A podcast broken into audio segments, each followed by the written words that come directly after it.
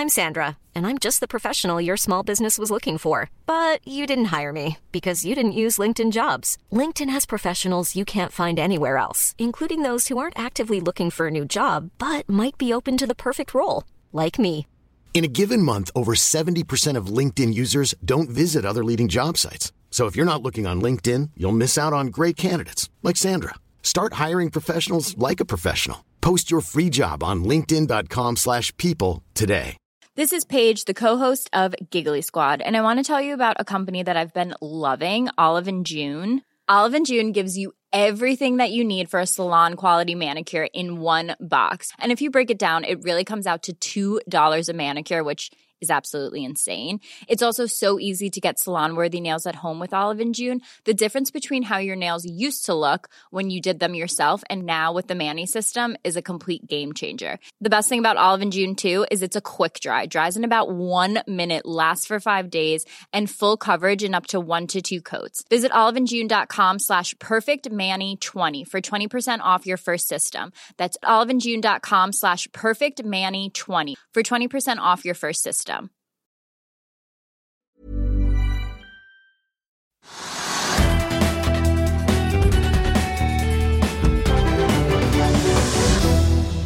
En riktig god tirsdag og velkommen til Økonominyhetene på denne siste dagen i januar. I denne sendingen så blir det mer om milliardtapet til oljefondet.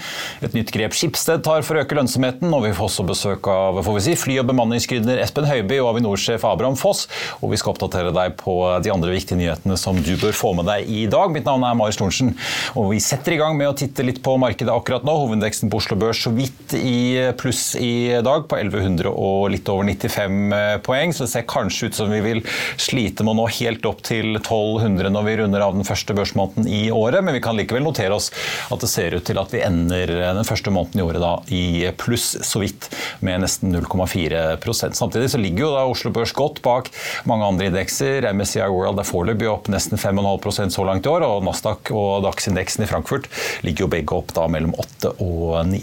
Og apropos, mens det da har vært rødt i Europa og Asia i dag, etter en litt sur dag på Wall Street i går, der Nasdaq altså ledet av nedgangen med et fall på nesten 2% i forkant av tallslippet fra Amazon, Meta, Apple og Alphabet denne uken, så ser det heller ikke ut til at vi får noen særlig oppdrift i dag.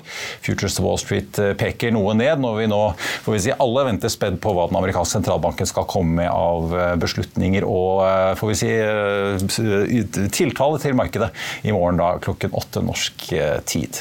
Og selv om hovedindeksen har vært litt laber i dag, så har det jo, og i år får vi si, så har det jo gått bra med sjømat. Sjømatindeksen er litt ned i dag, men opp 11% så langt i år. Det raser jo spekulasjoner om hva lakseskattene skal ende på til slutt.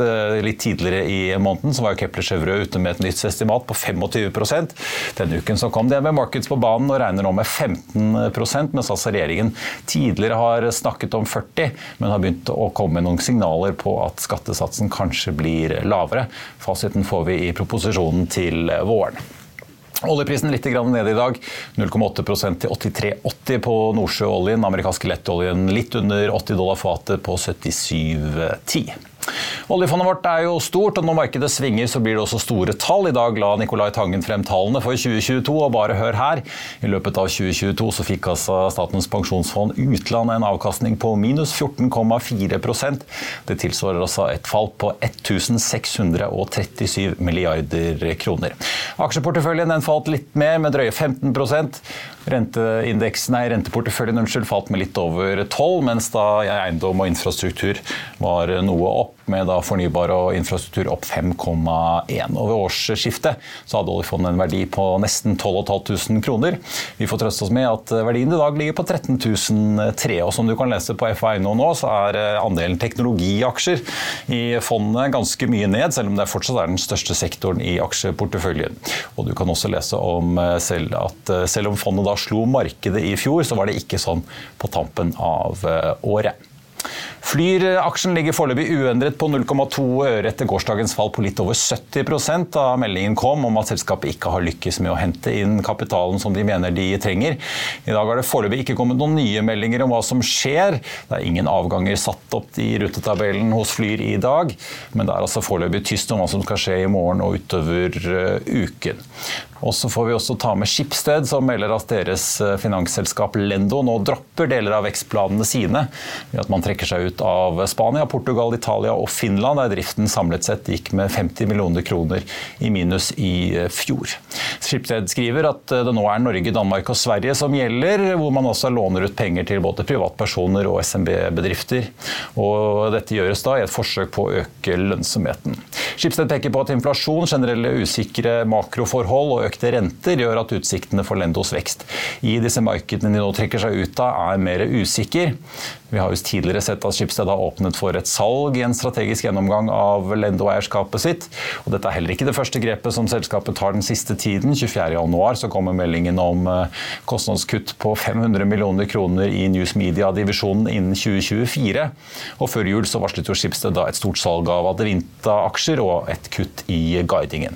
Det er for øvrig kapitalmarkedsdag i Schibsted 28.3, og den aksjen er eh, så vidt eh, opp i dag 0,2% ja, av enkeltaksjer ellers får vi ta med MPC Container, som også har kommet med litt utbytte nytt i dag. Den aksjen er opp eh, over litt over 3% og Biofish eh, har også steget eh, nesten 50% etter oppgangen på drøye 10 i går.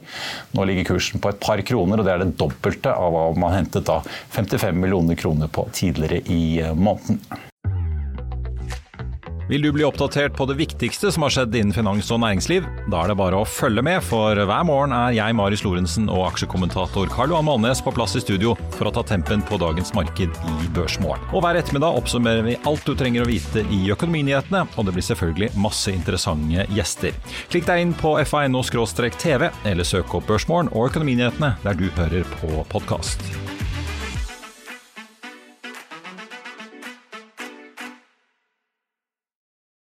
Vi må snakke litt oljetall, for ExxonMobil er ute med noen helt vanvittige tall. Vi så Chevron tidligere i forrige uke tredoble sitt tilbakekjøpsprogram etter gode resultater.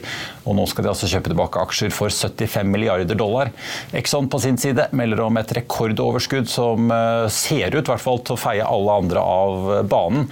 56 milliarder dollar i overskudd for 2022.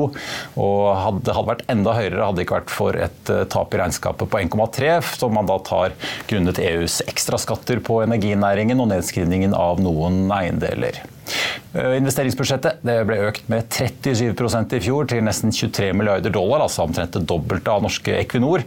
Og man planlegger en ytterligere økning opp til 25 eh, milliarder dollar i året. år. Vi ser også at Exxon øker tilbakekjøpene sine, om enn ikke like mye som Chevron. Oljeselskapet Okea her hjemme er også ute med sine kvartalstall i dag. Aksjen var opp over 8% på det meste, ligger nå opp en 2,5% godt over de andre oljeaksjene i dag. Selskapet opplevde som resten av oljenæringen at prisene falt noe mot slutten av fjoråret.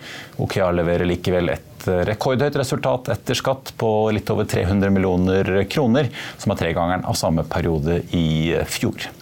Selskapet er klar for å vokse videre, selv om de må ta et lite tap på Yme til altså på 250 millioner. Vi snakket med Okea-sjef Svein Liknes på Børsmorgen i morges, og her er hva han sa om hvordan de har tenkt å øke produksjonen sin videre. Ja, fordi det, Dere anslår jo nå en produksjon i år da, som er ganske kraftig opp fra 2022. Eh, I fjor endte dere vel på 15 008 fat dagen. og mellom, Nå venter dere mellom 22 og 25 000 i år. Er det orden på Yme og det nye Hasselmus-prosjektet som skal få tallet opp dit, eller er det andre faktorer også? Det er Yme ramp-upen eh, spesielt. Eh, vi forventer jo 6600 fat netto til Okea når vi kommer på platå på, på Yme. Eh, I tillegg så vil jo Nova, når vi eh, får båt båret sidesteget på den vanninjektoren, sånn at vi får full produksjon i henhold til våre planer fra Nova òg. Nå produserer jo Nova allerede nå. Vi ordna jo de problemene der samme operatøren i siste kvartal i fjor, men det er fremdeles mer potensial. Så det er vel hovedsakelig ramp-upen på Yme, og så er det når Nova kommer i full produksjon. Og i tillegg så Brage borer vi jo kontinuerlig nye brønner på. Eh, og vi forventer òg å, sette en ny brønn med et nytt target i reservoaret på Brage i drift, som òg kommer til å bidra positivt til, til den porteføljen.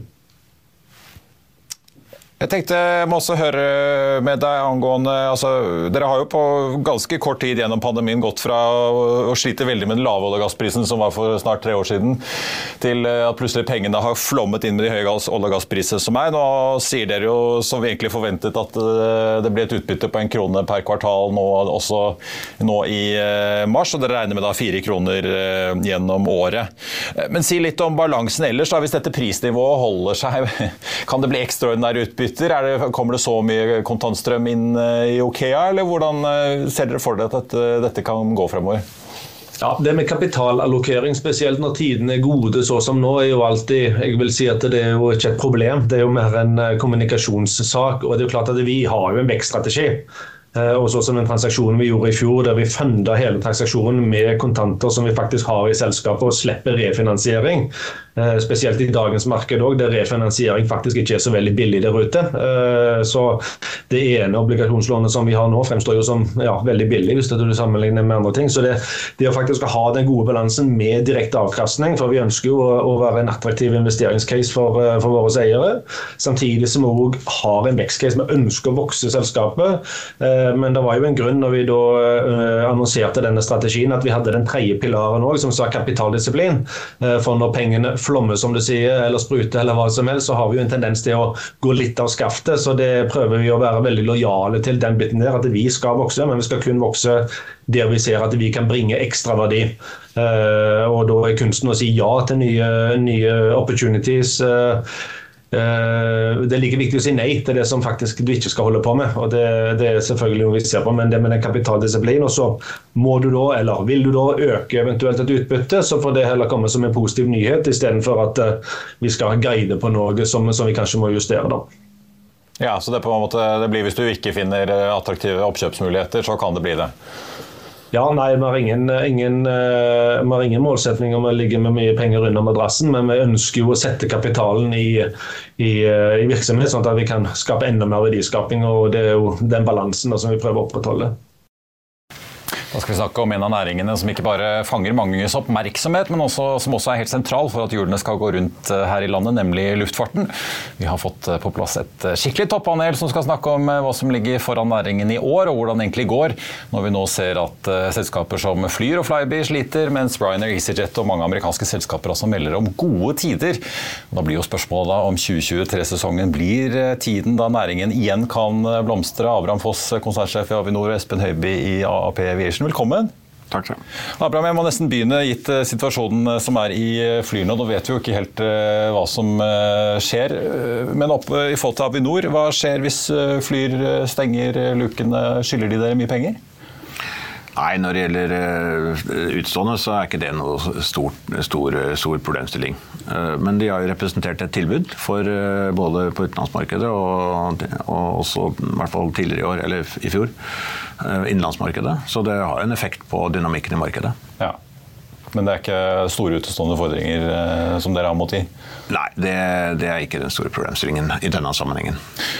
Espen, eh, for Vi skal jo snakke litt om næringen. Mange som kjenner deg husker jo at du drev noe som het OSM Aviation, som var ganske sentral i å få løftet Norwegian opp til å bli stort og globalt i sin tid. Så her på tampen av 2021 så byttet dere navn. Du fikk en Adolfsen-brødrene som medieinvestor. Det stemmer. Hvordan har det første driftsåret vært for eh, bemanningsselskapet? Jo, det var jo en eh, altså, for, for, for, det første er jo enhver krise en mulighet for et selskap som oss. Så, eh, men starten på året var veldig tøff. Da tapte vi en del penger. Og så i løpet av sommeren så har vi snudd, snudd skuta, vil jeg si. Og, og, på slutten av året så gikk vi i, i pluss. Men året som sådan har ikke helt de eksakte tallene ennå, men vi kommer til å gå litt i minus på hele, hele året i fjor. men det vi ser eh, nå fremover er veldig positivt. Vi får utrolig mange henvendelser om dagen. Det er selskaper som ser for seg å kutte kostnader, og, og da, da, ser vi de på oss som en del av løsningen. Og, og i år så, så, bør vi komme godt over 400 millioner i omsetning, men, men fornuftig margin.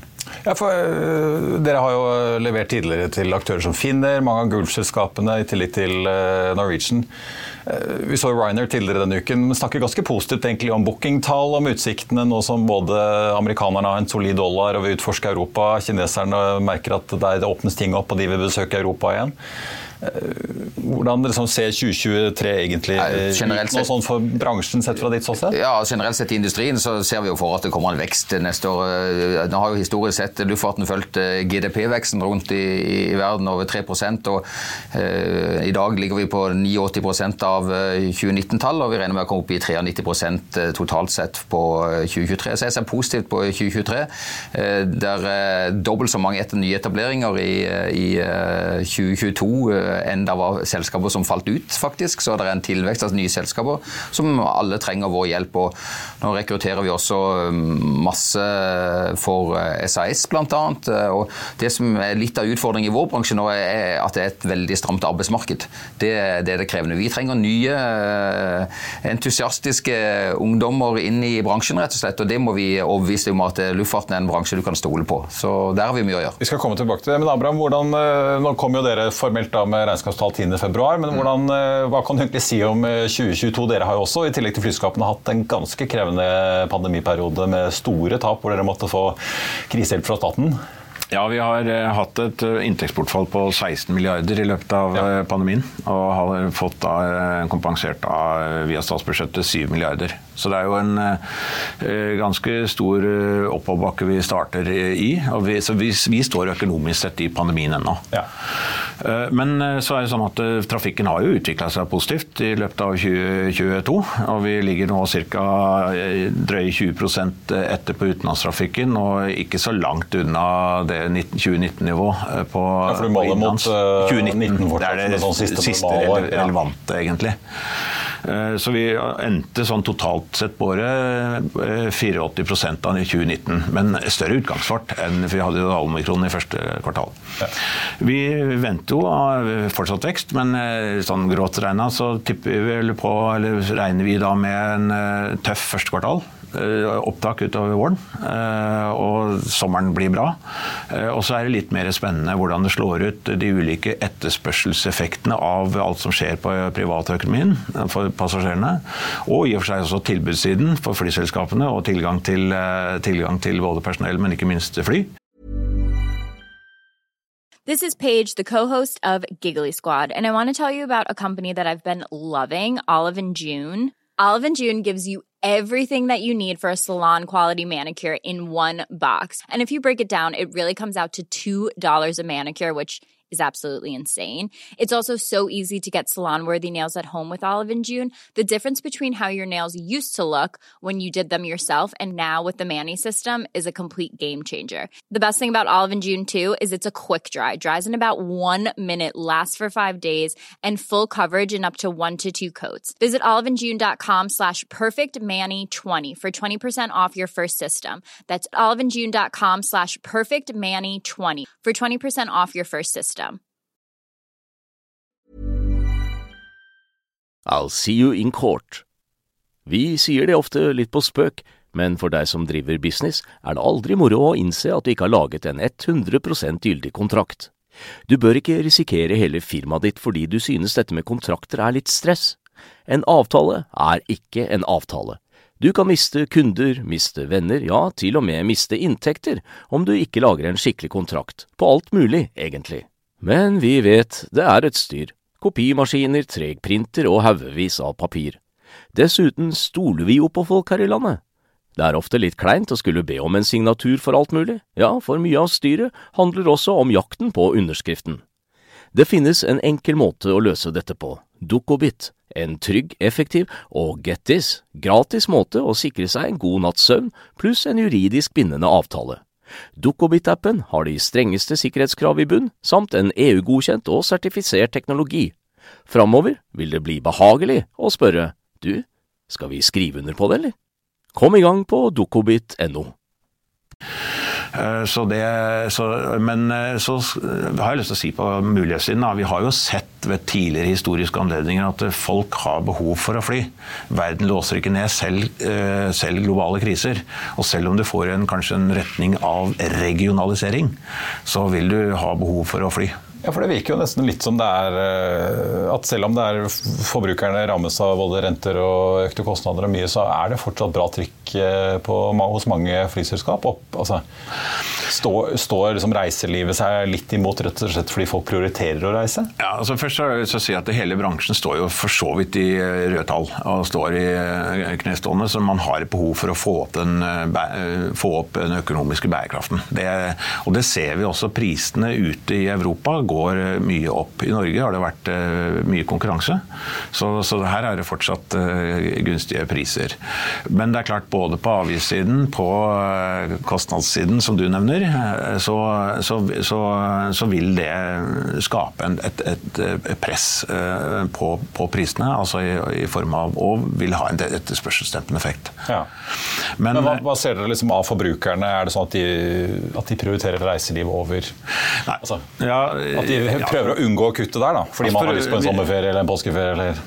Hvis du tar segmentene, så, så du, har de jo fått eh, nedgang på eh, forretningssegmentet. Og det forventer vi også vil være. Det har jo vært en lang trend også. Eh, selv om det fortsatt er behov også på det området til å reise. På privatsegmentet så vil av nordmenn som reiser ut, så, så ser vi at det er, et, er, en stor etterspørsel. Det meldes som stor booking på sommeren, men det er klart det får større skille mellom lavsesong og, og, og høysesong. Men så er det en stor mulighet da, for norsk luftfart og eh, reiselivet i forhold til innkommende turister. Det har jo vært det eh, hurtigst voksende segmentet de siste ti åra, hvis du ser over hele perioden. Og, så det er jo en mulighet også i altså ikke bare et luftfartsperspektiv, men et reiselivsperspektiv. Hva ser dere, Espen, eller når du ser på bransjen, virker det på deg som om det er et litt avvik mot konjunkturens tendens at folk faktisk ønsker å, prøve, altså, å, spare på de flyreisene før de kutter de òg? Jeg tror det ligger et etterslep etter pandemien at folk har lyst til å reise. Ja. Så får vi se hvordan det utvikler etter hvert som økonomien eh, utvikler seg. Makroene har vi ikke, det er jo litt usikkerhet om hvilken vei tar dette her. Ja, jeg synes det, liksom, Hvis du ser på de amerikanske selskapene EasyJet Ryanair, jeg synes de virker overraskende positive, egentlig. Veldig positive. Nei, det amerikanske markedet er veldig eh, annerledes enn det norske de har jo en inntekt per passasjer som er langt langt over det. og kan si De har en break-even load-faktor på, på, rundt 63% mens vi ligger resten av verden på 75% Så de, de, det er dyrere å fly i USA. og Det tror jeg sa sist jeg var hos deg, Marius, at, at, det er for billig å fly her. Mm. Det er klart at Når jeg kunne fly tur og tur med Flyr for, for, til Malaga for 1200 kroner, det, det, er, ikke, det er ikke mulig å, å drifte uh, fornuftig på den måten. altså. Ja.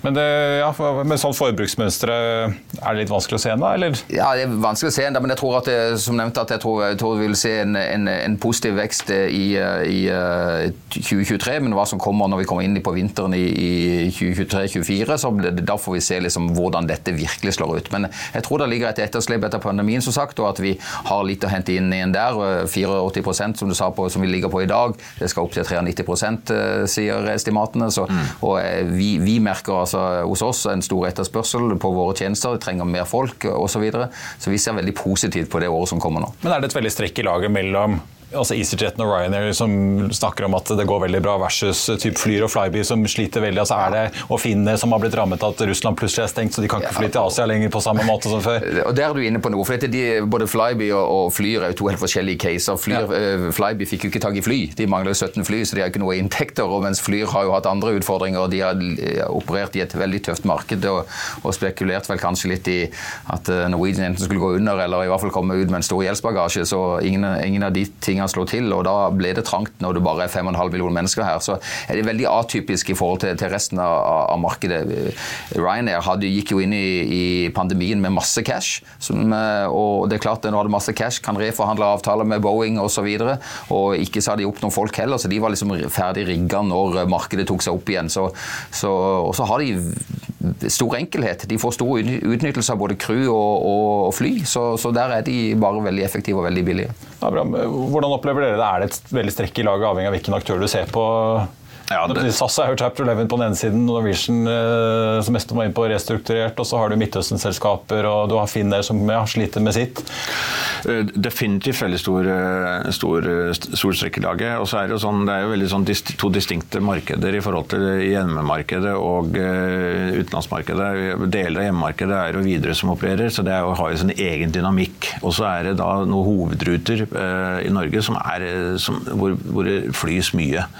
Og det er det, Der har det vært stor konkurranse, for det er viktig for flyselskapene. Men de kommer som du sier her, med forskjellig bagasje.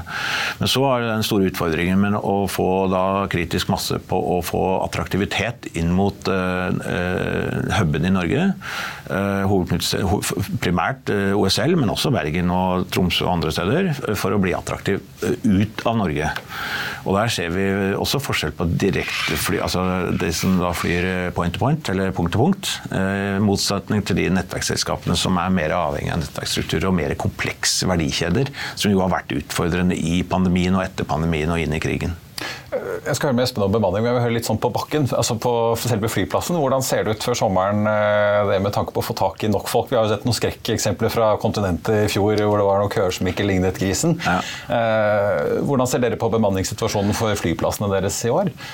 Sett fra et Avinor-perspektiv så, så, kom vi ganske godt ut av sommeren i fjor. Eh, det, og det, da snakker jeg, og da gjelder ikke bare Avinor, men hele luftfartsfamilien, for det er jo flere selskaper som jobber der.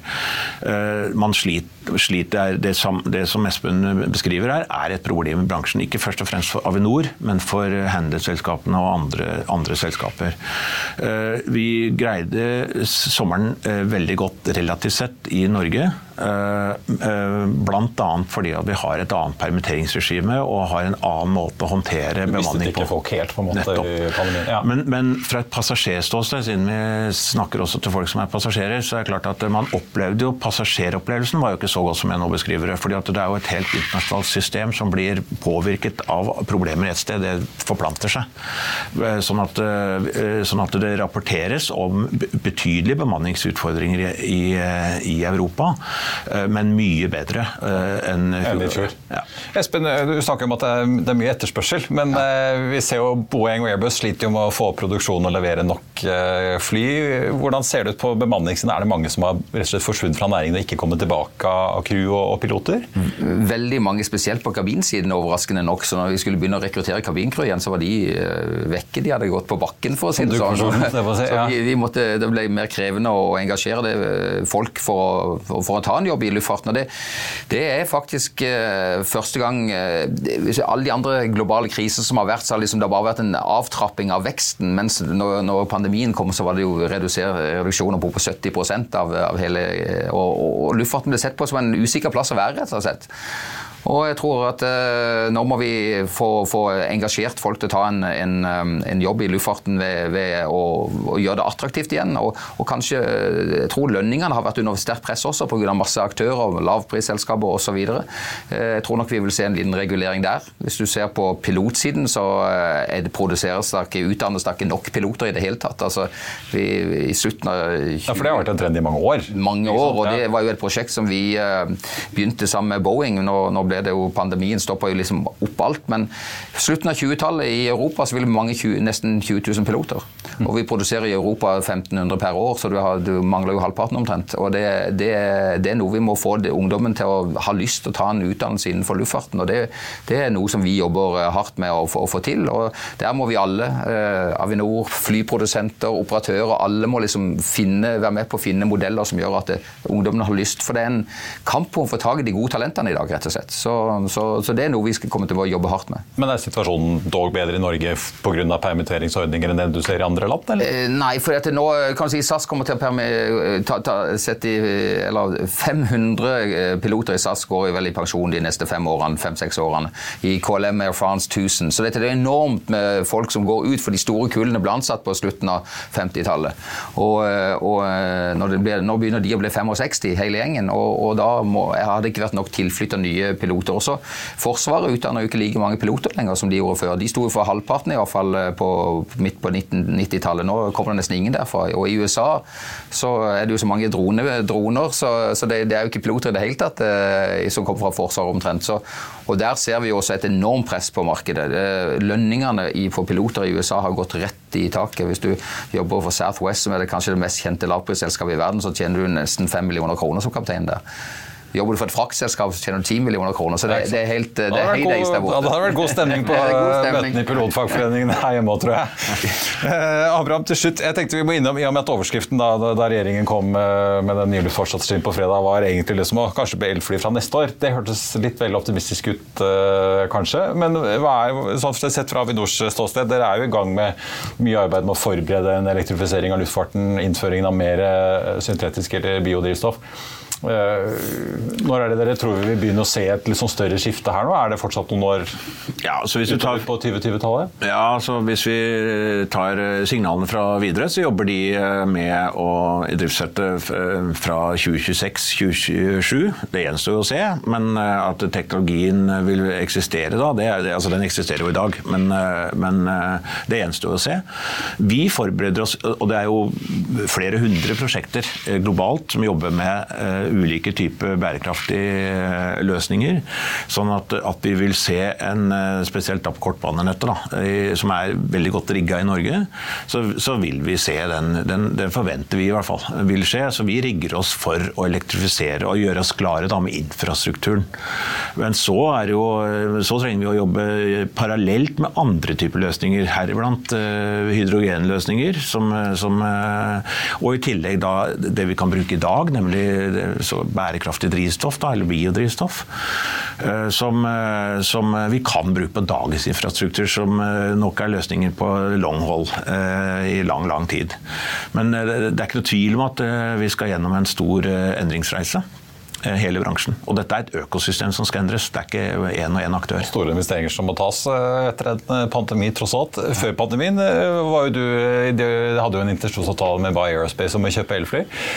Ja, altså, tror her, hvordan tror du det vil utvikle seg fremover? Ja, Det er kjempespennende det som uh, Abraham er inne på her, at det kommer til å skje store endringer her. Nå, nå, hele treningsdelen kommer til å bli elektrifisert innen 2030. Det er det ingen tvil om. Det ligger bare i Aerospace litt et, etter uh, skjemaet. Men, men, vi ser jo for sånn som vi har jo også bestilt 40 Lilium-droner som er, kommer til å være bemannet med én pilot og seks passasjerer. og Det vil endre hele det regionale reisemønsteret i Norge, tror vi. For da kan du ha en liten plattform. Disse her går med en sånn eh, små elektrisk drevne jetmotorer, ser det ut som. Og, og, de vil komme rett opp og rett ned. Trenger en plattform på 25 ganger 25 meter og en landings- eh, og en eh, ladestasjon. Så det kommer til å endre hele måten vi reiser på, tror vi. Det kommer til å komme en eh, blanding av en Uber-modell og etablerte operatører som kommer til å forflytte mennesker rundt forbi. Så kjempespennende det som skjer i denne delen av luftfarten. Og tror du at du har ditt første elfly i drifta? Nei, det er to-tre to, år til. Ja, ja. Så får vi se om vi kan fly, gjenoppta flyvninger fra Fornebu, kanskje. Kan ja. man dra rett til en eller annen fjord i Vestlandet hvis man vil besøke? Ja, ja det kan jo hende fra Fornebu. Jeg tror nok at det kommer andre steder først. Vi, vi, vi, eh, er veldig opptatt av å ta en rolle i å og da må regulere og styre det luftrommet som dronene skal operere i. For hvis ikke vi har, og Det er her det er tydelig i luftfartsmeldingen. Avinor har fått en rolle knytta til det og er veldig opptatt av det. fordi det hjelper faktisk ikke med teknologiutvikling hvis ikke du kan styre også den type eh, flytrafikk i et, eh, det som i dag er et uregulert luftrom. Eh, så, det, så her, må det, her, må både teknologi, forretningsmodeller og reguleringsordninger gå hånd i, hånd i hånd i den utviklingen. Og det jobbes det veldig mye med. Det blir ikke helt fritt frem?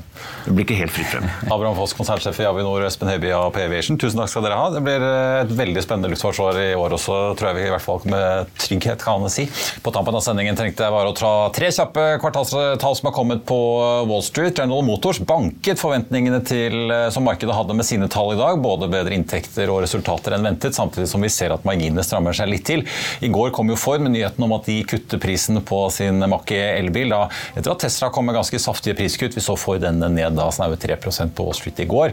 McDonald's har kommet med tall. De leverer også mye bedre enn ventet. Like for like salget på hurtigmatkjeden steg tosifret i fjerde kvartal, så åpenbart at tøffe tider hjelper på salget der i gården. UPS, logistikkgiganten, leverte litt eh, blandede tall, varsler lavere volumer og guider også lavere fremover enn det markedet lå inne med av eh, forventninger. Og så får vi også nevne da på tampen Schibsted-aksjen eh, opp nå over prosenten på nyheten om at de tar grep og nedskalerer satsingen i Lendo og vrir den mer mot hjemmebane i Skandinavia igjen. Ellers så har vi da Flyr som fortsatt ligger uendret rundt 0,2 to øre på tampen på en hovedindeks som er så vidt i minus for dagen. I Finansavisen i morgen så kan du lese Trygve Egnars leder om prishysteriet på mat. Det blir mer om tallene fra oljefondet, og om Saudi-Arabia som støvsuger markedet for oljerigger. Og så blir det mer om brannsalg i næringseiendom. Ja, rentene svir åpenbart for mange om dagen. Det var det vi hadde for deg i dag, men husk at vi er tilbake igjen med Børsmorgen 08.55 i morgen. Da får vi besøk av Mats Johannessen i Nordnett. Deretter blir det Økonominyhetene 14.30. Da skal vi se nærmere på meldingen fra den nye